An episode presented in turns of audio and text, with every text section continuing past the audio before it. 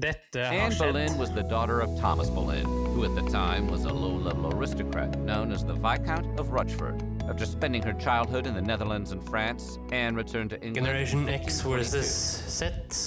Sandberg Productions presenterer Den ekte samtalen om og med generasjon X og Z. Hold deg fast og nyt. Hei, hei, kjære lytter, og hjertelig velkommen til dagens episode av Generasjon X versus Z. Og i dag, kjære kompanjong, så tar du over den berømmelige stafettpinnen. Ja, jeg skal prøve i hvert fall. Hvis det er noen av lytterne våre som, som hører godt etter, så er både Henrik og eh, undertegnede Vi er litt sånn småforkjøla. Det blir litt sånn snørrete poddy da, men vi, Så vi kommer oss gjennom. oss for det. Eh, Men i dag så skal vi reise da fra England til Italia. Eh, I samme tidsrom som vi var siste gang, omtrent. Ja da, vi skal til Firenze. Florense, da. Florense. Ja, du er ganske keen på det der. Det heter Florense. Ja, Men vi før så sa vi Firenze. det er ikke det man sier lenger. Nå er det Florense. Vi skal til en eh, kar som ble født i 1469, og da vet jo selvfølgelig alle hvem det er. Eller nei. Nei, alle som vet det, men du og jeg vet jo det. Vi vet det, og han heter Nicolo til fornavn. Og han heter Machiavelli til etternavn. Ja. Du har jo lest litt om han. Jeg har jeg- hørt meg litt opp, ja. Du har hørt deg litt opp. Det rare er at han, han var både diplomat, forfatter, politiker og filosof. Ja, og ikke minst eh, komiker oppå der. Ja, han var komiker òg, så han Ja, ja. var eh, Skal vi si Unikum kan man vel si at han var. eh, Og det vi skal til, er selvfølgelig en meget kjent bok han skrev i 1513. Som eh, blir betegnet som verdens mest leste bok og kjente verk etter Bibelen. Grunnen for at vi tar ut den boka, er at den er eh, den ble skrevet for over 500 år siden. Ja, 1513. Det er ja. Ikke sant? Men den er like gyldig i dag. Den har til og med vært, og den er eh, faktisk også eh, pensum i eh, management i, i ledelse i Norge. Og vært i mange år. Vet du hvorfor? Nei. Kan du deg det? Ja, det er jo fordi den tar opp litt tematikk som eh, både har vært og er relevant i det faget i dag. Eh, Ja, fordi det handler om makt, skjønner du. ja, det rele- relevant i det faget. Ja, og det, det som er litt sånn kult her, er at eh, man kan si hva man vil om eh, at vi mennesker utvikler oss og den type ting, men menneskesinnet og det som er helt kloss inntil hjernebarken, den har egentlig ikke forbedra seg noe, noe vesentlig, i hvert fall. På 500 år, så det med makt og mennesker og menneskesinn, det er gjeldende den dag i dag som det var på 1500-tallet. Så hva tenker du om makt, da? Nei, makt er jo som alt annet. da. Det kan brukes rett, og det kan brukes feil, og dermed misbrukes. Ja. Det er jo det han Machiavelli var eh, særdeles genuin i. Han eh, ga jo veldig mye råd. Ja. Og den boka heter 'Fyrsten'. Ja. Og den er egentlig en rådbok til fyrsten for å få makt. Eller il-prinsipp. Yes, eh, opprettholde makten. Men ikke minst hvordan man også kunne skape fred og ro med den makt man hadde. Så, og den er faktisk gjeldende da. Det er litt kult å tenke på det. Jeg har lyst til å bare spille av en liten sånn YouTube-fil, litt over ett minutt, som beskriver den boka 'To the Point' av regissør Tore Wang Nid og skuespiller Inger, Ingegerd Egeberg. Den er så, den er så nådeløst kynisk. Den snakker litt no bullshit om en tid der folk òg tror jeg har behov for å søke etter hva som egentlig foregår bak det retoriske, bak tåkepratet. Så det er praktiske råd i ledelse og praktiske råd for å unngå problemer og åssen holde på makta. Den er, den er en særegen form for råd til det mennesket som ønsker politisk makt. Jeg blir veldig fascinert av tankegangen hans. Eh, måten han har lyst til å angripe eh, dette stoffet på. Eh, kunnskapsnivået hans.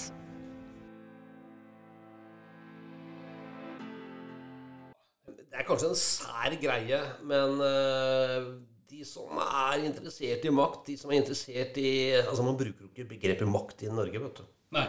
Ikke sant? Det er fy. Eh, så det man eh, gjør da. Ja, det, vet du. Det skal man ikke ha. Nei, og det er vel litt jantelov inni der. Au, Og, herre min freden. eh, kanskje litt andre ting òg som gjør det litt fy, da.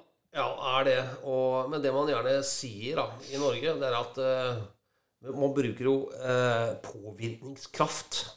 Mm. Er det liksom det politisk korrekte begrepet man bruker om, eh, om det å ha makt?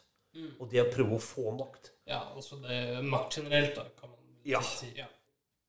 Hva tenker du om? Du hørte jo litt om eh, Du har hørt om han? Ja, altså, Eller det han skrev, da?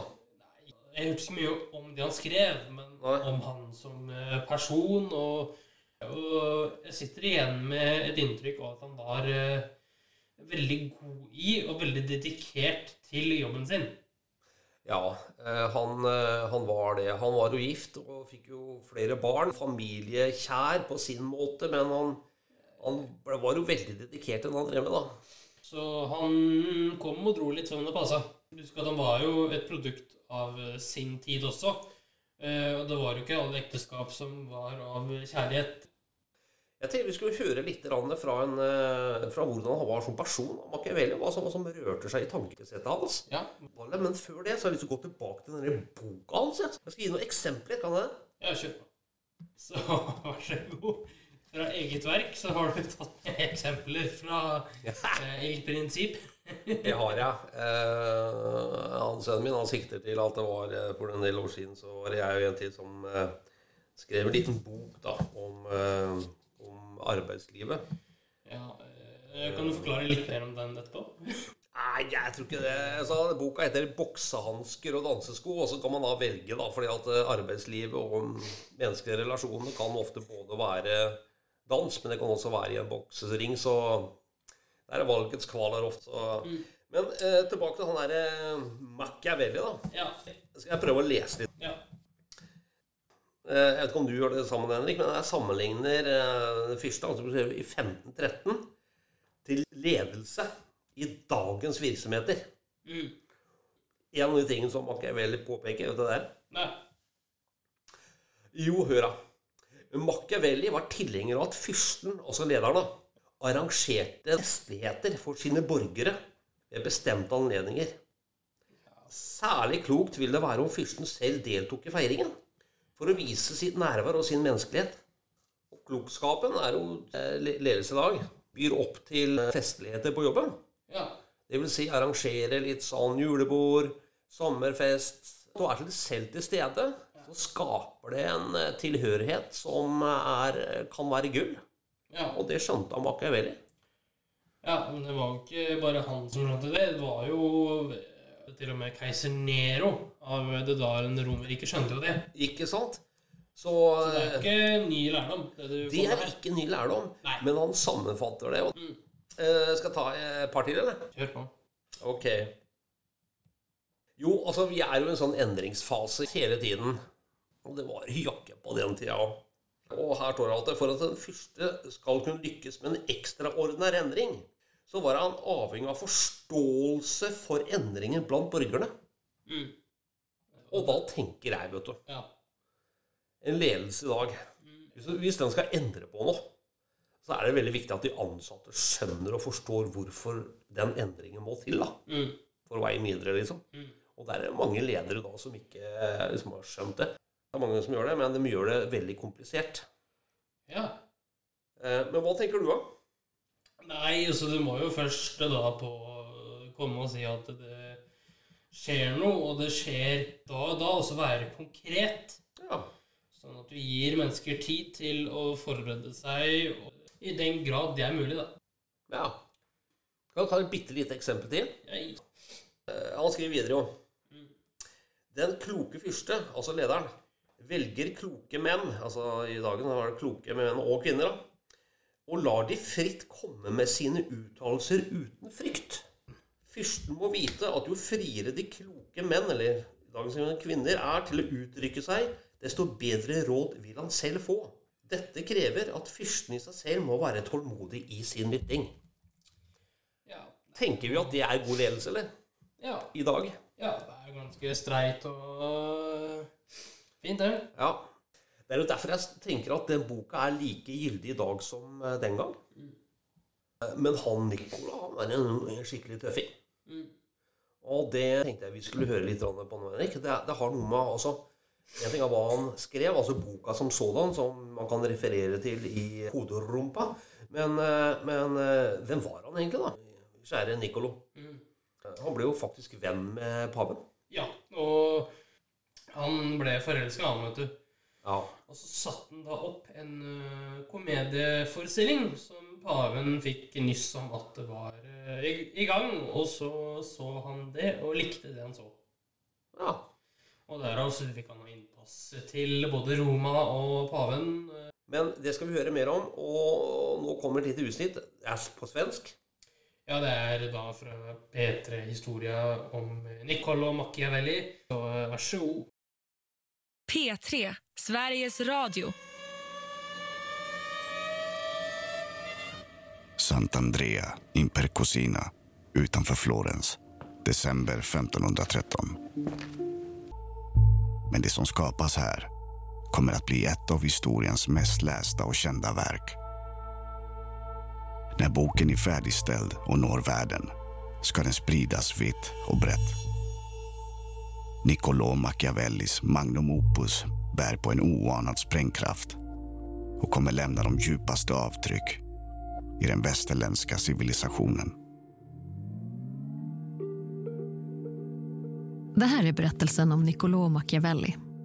Fader till den ökända boken Fursten. En man vars namn blivit synonymt med svekfullhet och tyranni. Men sitt eget liv vigde han åt diplomati, litteratur och drömmen om en fredlig republik.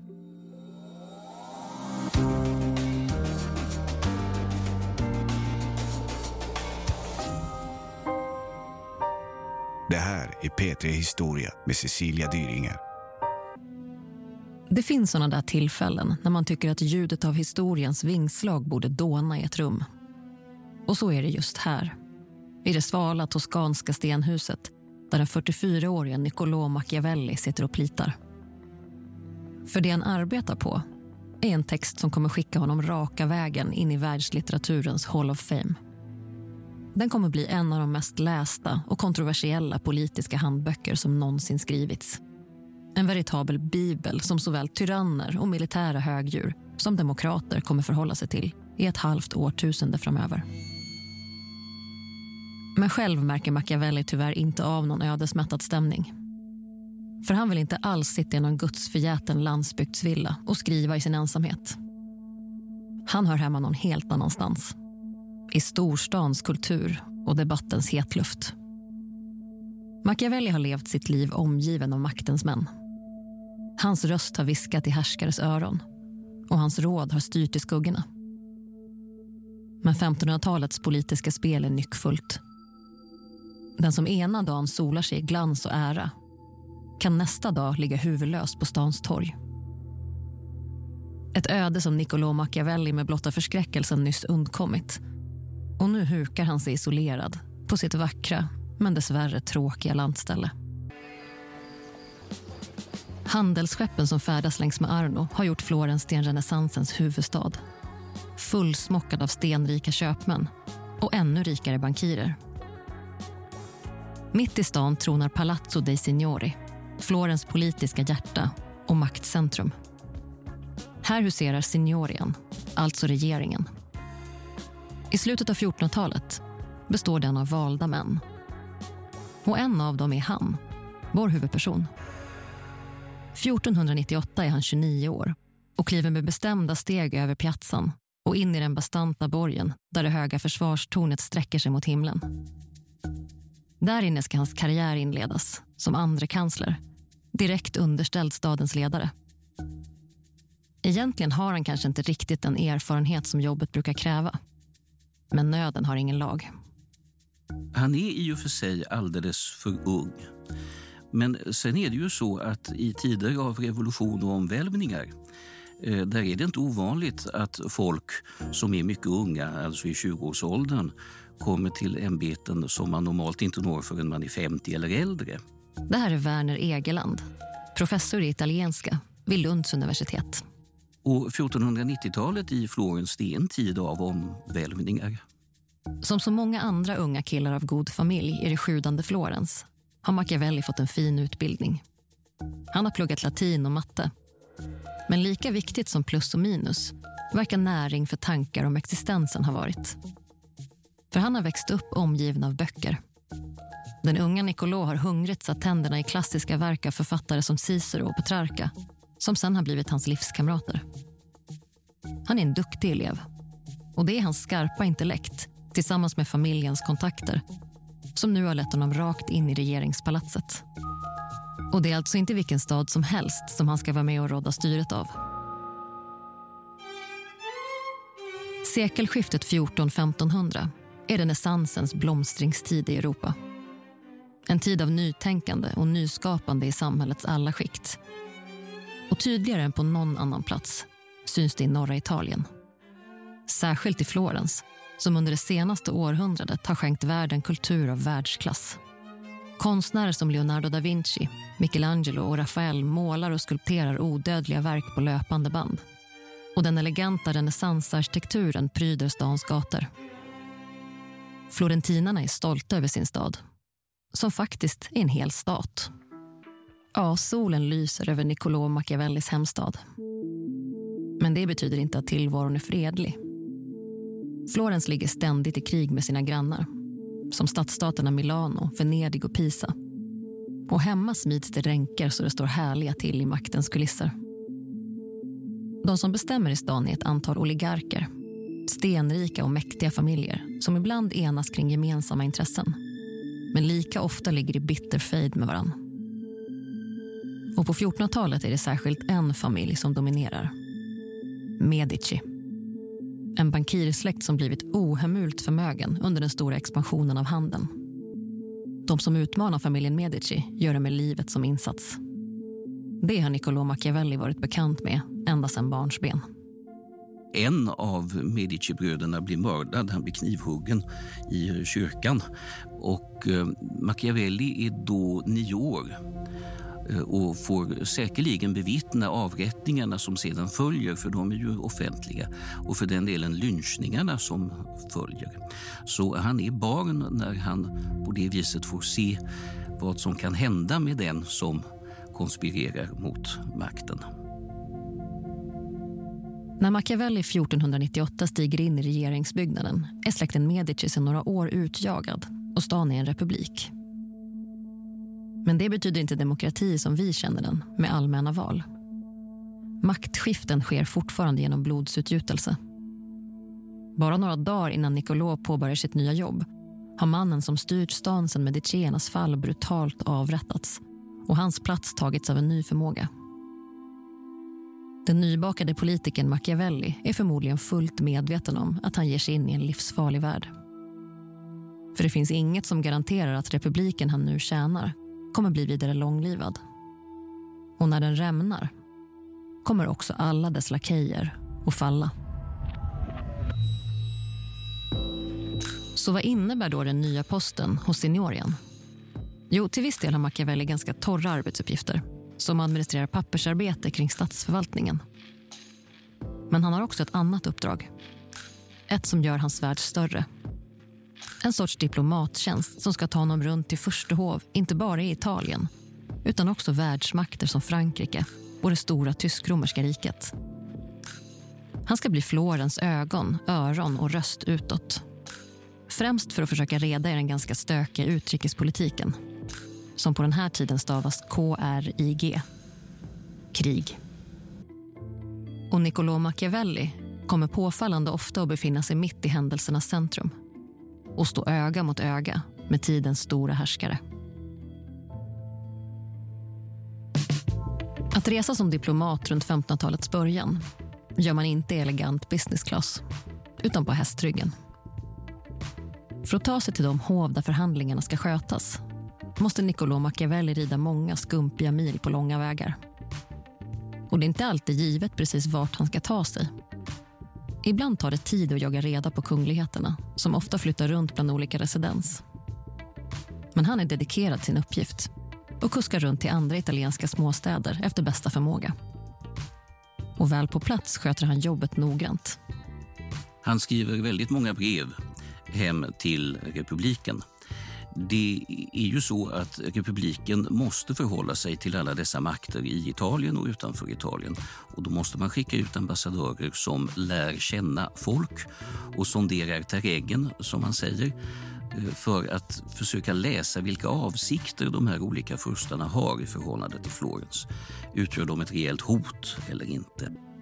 Och trots att han träffar tidens absoluta elit verkar han i allmänhet behålla fattningen. Han är inte den som blir starstruck i onödan. Tills han träffar någon som helt golvar honom.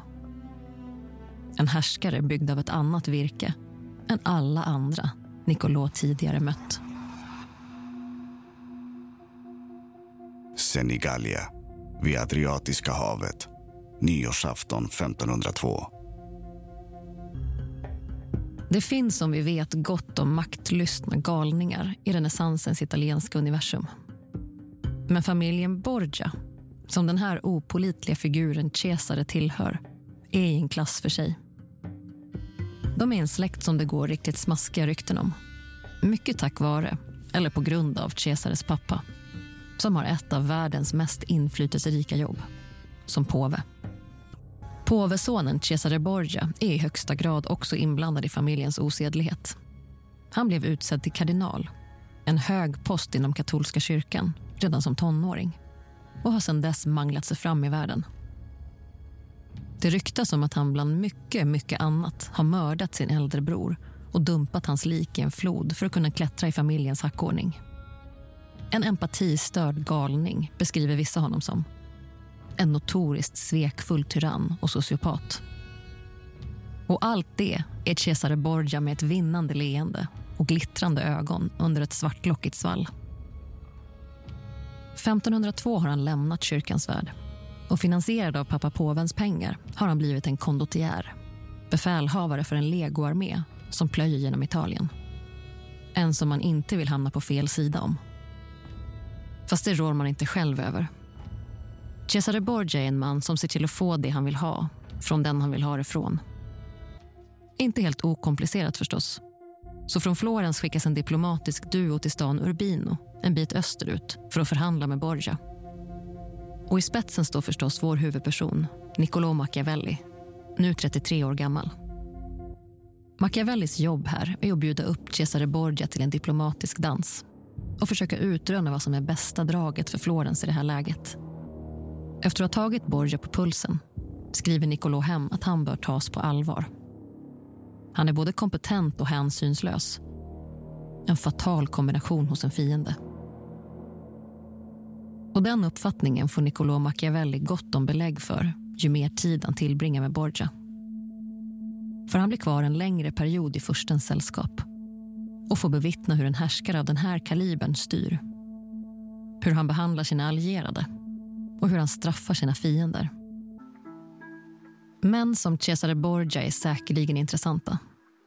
Men det är bäst att inte stanna för länge vid deras sida. För de riskerar att bli kortvariga på sin upphöjda position.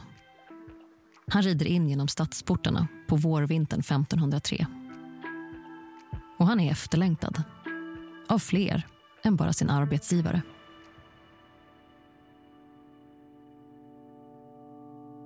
Hon har ljusröda lockar och en liten bestämd mun.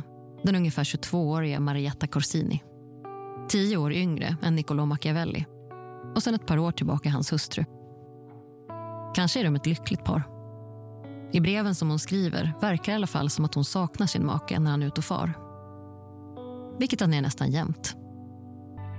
Men breven ska bli många och ensamheten en av Mariettas närmsta vänner. För Nicolò visar ingen tendens att slå av på takten när det kommer till resandet. Bara för att det nu finns en familj som väntar där hemma. Men Marietta är inte den som tiger stilla.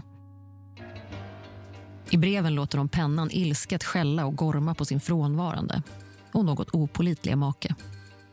Med all rätt, får vi väl säga.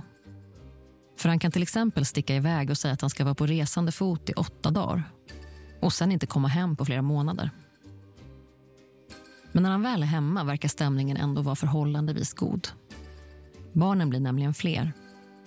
Av sju kommer sex att överleva. Och Nicolò tycks ärligt sakna familjen. Gänget kallar han dem. Men hur fäst han än verkar vara vid sin fru är han inte främmande för att friskt bedra henne när tillfälle ges. Och det gör det inte alls sällan för en man som han. Ständigt på tjänsteresa. Man kan tänka sig att han har en famn i varje hamn. För någon annanstans har en man med aggressiva erövringsplaner nyss greppat makten i en stark italiensk region. En herre som har en av världens mest kraftfulla organisationer i ryggen. Den katolska kyrkan. Idag förknippar kanske många kristendom med fromhet, goda gärningar, syndernas förlåtelse och att vända andra kinden till. Men 1500-talets kristna kyrka har en lite annan framtoning. Att ta till vapen och roffa åt sig land är inget man drar sig för. Kyrkan har politiska ambitioner och ryggar inte tillbaka för till exempel krig. Samtidigt som, och det måste man komma ihåg, det kristna budskapet är detsamma. Det är evangeliet som gäller precis som tidigare och senare. Och Det är ju renässansens paradox. Men vid det här laget, på 1510-talet, påver Julius den andra. En erkänt vrång typ som beväpnad med både kors och svärd röjer fram aggressivt över Italien. Och han har lyckats skaffa sig en stark allierad i Spaniens kung. Den heliga spanskpåvliga ligans stora mål är att driva ut Frankrike som på senare tid fått stort inflytande i Italien och som Florens har nära band till. Ja, som vi sa förut, det är stökigt. Konflikten mellan påve Julius och Frankrike har pyrt i flera år och den ungefär 40-åriga Niccolò Machiavelli har redan varit i Rom för att för Florens räkning försöka gjuta olja på vågorna. Men det verkar bara ha förvärrat situationen. För strax efter Machiavellis medlingsförsök i Rom tågar en armé med siktet ställt på Florens. För så fort fiendesoldaterna tagit sig in står det klart att republiken Florens kommer falla. Och ledaren ska falla med den. Niccolo har fått ett sista uppdrag av sin regeringschef. Att hjälpa honom att ta sig ut ur stan i säkerhet. Så blir det. Men att understödja en störtad ledares flykt är sällan ett bra drag medan en ny herre sluter sitt grepp om makten. För de som nu tar över och återinstalleras i Florens är ett gäng som inte har gjort sig kända för mildhet och förlåtelse. Familjen Medici är tillbaka. Kanske är Machiavelli en opportunist. Eller bara ovanligt modig. För han lämnar inte sitt Florens, trots att det är nya chefer i stan. Machiavelli är kappvändare, men inte mer än vad folk i allmänhet måste vara vid den här tiden om de ska överleva. Så han anpassar sig eh, och inser att nu måste han närma sig Medicierna och kanske bli god vän med dem. Men den nya Medici-chefen är föga intresserad av Machiavellis råd. Niccolò Machiavelli är utsparkad från sin gamla arbetsplats. 43 år gammal har han blivit arbetslös. Fråntagen sin passion i livet. Och vad värre är, Medicena håller ögonen på honom och han plockas regelbundet in på förhör. Än så länge finns det inget konkret att sätta dit honom för. Men Medicierna ger inte upp. De kommer att hitta något.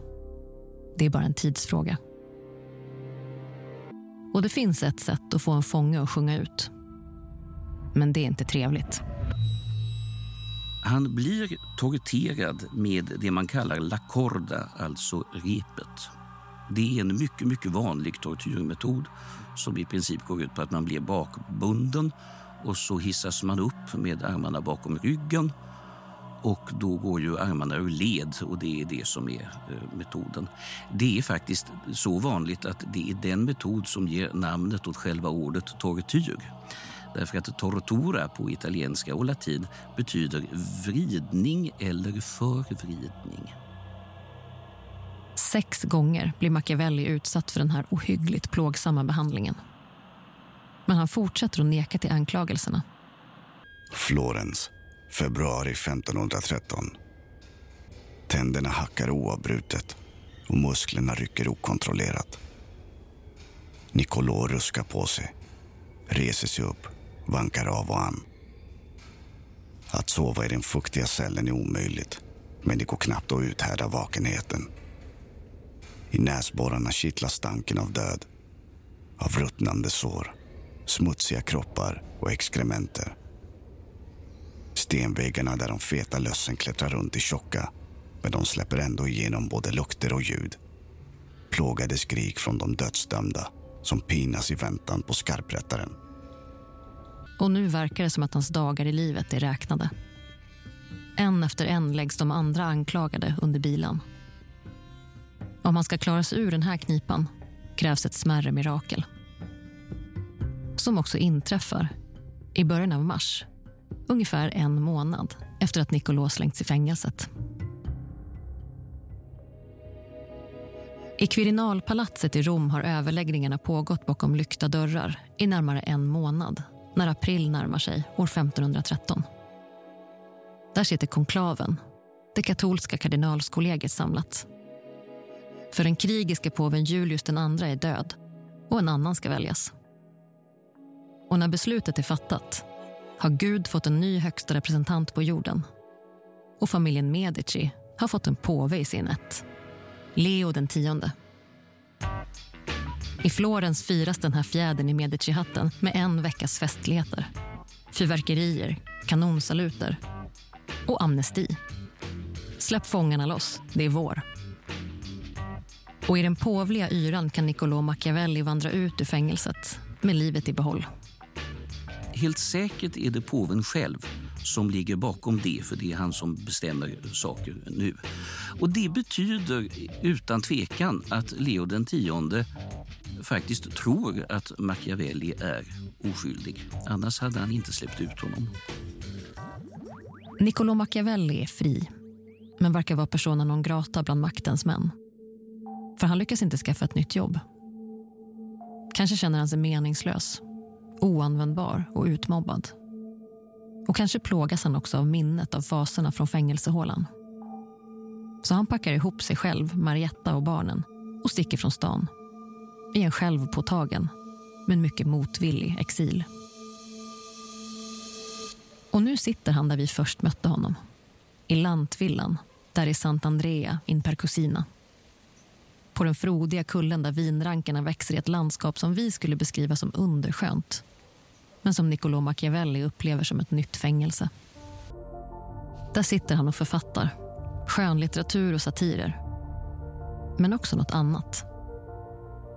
För det är nu som han äntligen börjar pussla ihop den där lilla texten som vi har hintat om sedan det här avsnittet inleddes. Ett verk som får titeln Il Principe, Fursten. Il Principe, som färdigställs här runt 1513, sprids inte direkt till allmänheten. Att det här ska bli Nicolos stora livsverk märker han inte av. Och i uppgivenheten måste han fortsätta sina trista mödor på lantgården. I över ett decennium ska han tvingas stanna i politikens skugga och åldras från 40-plussare till en bit över 50 där ute på vischan. Men han är i alla fall inte ensam. Och det var inte så länge sedan här i vår berättelse som Niccolò Machiavelli älskar sin hustru Marietta. Hur har de det nu för tiden? Ja, den äktenskapliga kärleken består kanske. Men den har inte stoppat honom från att ta för sig av andra erotiska godsaker. Han har passerat igenom åtskilliga damers sängkamrar under åren. Och kanske också en och annan herres. Det kan han mycket väl ha gjort, för det gjorde hela renässansrörelsen. Februari 1524 träffar den nu 56-åriga Niccolò Machiavelli någon som faktiskt verkar ta honom med storm. Den unga sångerskan och skalden Barbara Salutati. Han blir fullständigt betuttad i den begåvade kvinnan. Och som den renässansman han är uppvaktar han henne genom att skriva en komisk pjäs till hennes ära. Och i den uppvisar Machiavelli en historisk ovanlighet. Självdistans. För komedin handlar om en vacker ung kvinna som får en lite kladdig gubbe på halsen. Den kladdiga gubben Nicolò alltså. För den mustiga pjäsen tinar upp relationerna med precis rätt personer. Det är en ganska burlesk och pikant historia som blir väldigt populär även hos påven. Leo X låter sätta upp denna komedi i Rom. Men den 21 juni 1527 lämnar Niccolò Machiavelli jordelivet, 58 år gammal. Men hans namn ska gå till historien. Under sitt liv skrev han många texter. Poesi, dramatik och politiska verk. Men det är framför allt försten som ska leva vidare. När boken väl ges ut på 1530-talet, fem år efter Machiavellis död, kommer den snabbt sälja slut och hyllas av samtidens ledare. Men den ska också bannas av den katolska kyrkan. Och Niccolò Machiavelli själv kommer bli ansiktet utåt för ett ondsint och kallt sätt att härska. Hans namn ska bli ett adjektiv, machiavellisk som kan användas för att beskriva någon som är listig, elak, svekfull och samvetslös. Men säger det egentligen något om honom själv? Det finns ingenting som antyder att Machiavelli personligen skulle ha varit vare sig brutal eller särskilt konspiratorisk.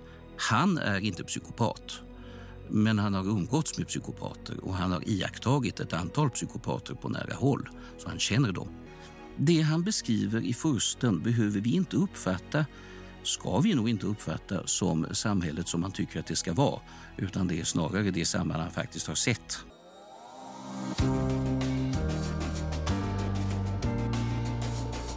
Ja da, det var litt om eh, Niccolo Machiavelli, det. Har du humor i dag? Eh, ja, jeg har litt humorsnitt i dag, ja. Har du det? Ja.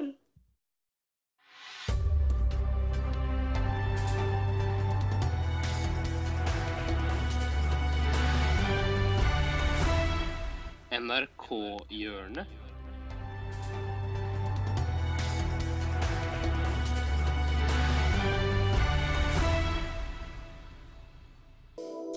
Ja, i dag så skal vi også høre om hva man ikke bør gjøre i offentlige sammenkomster. ok. Kjør på. Det blir veldig veldig lite alkohol, Ja. Passer meg egentlig veldig godt. I 2015 så var jeg på en sånn stor middag med næringslivet i Bergen. Da var både Erna Solberg og jeg. Hun var statsminister, jeg var opposisjonsleder. Og den middagen varte og rakk, og ingen av oss var spesielt eh, beruset. Men mens vi satt i den middagen, så kom dette terrorangrepet i Paris. Ja. På Bacalaen. Ja. Mm. Den utviklet seg under den middagen. Så da vi kom ut fra den middagen, Ja. så var alle kameraene der Ja. Ja. og ville ha kommentarer. Mm. Du kan ikke da si at det kan ikke jeg, for jeg er eh, overstadig beruset. Nei. Eh, og det gjelder ikke å være, kan ikke være litt beruset heller. Å, nei, nei, nei, Det, er- spennende de, greier. det lyset fra kamera, det er sånn at eh, du må kunne se rett inn. Ja, for det er gøy å gå det, det, Jeg kan ikke svare på det. Jeg er ubes, altså, jeg er masse beruset. Det er ikke lett å være politiker, altså. Nei. De er tross alt mennesker, de òg. De er jo tross alt mennesker, de òg, da. Ja. Det er ikke lett å være eh, ikke bare politiker, men det er ikke lett å være menneske. Ja. Det er liksom clouet i dag, var det ikke det? Jo, eh, det var derfor jeg tok det i dag også. Hva tenker vi neste uke? Nei, neste uke så skal vi jo til eh, Vi skal begynne å snakke om en tur, vi. Som vi har vært på nå nylig. Ja! Åh, det gleder jeg meg til, altså. Åh, ja. Vi går dypt, vi går bredt, vi går eh, flatt, vi går eh, Vi går opp, og vi går ned. ja. Men tusen takk for i dag, gutten min. Jeg har gleda meg stort. Vi høres igjen. Tusen takk for at du fulgte oss. Ge Gi gjerne tilbakemelding, likes eller kommentar på Facebook-siden vår Generation X versus Z. Velkommen igjen til neste podkastepisode. Hei då!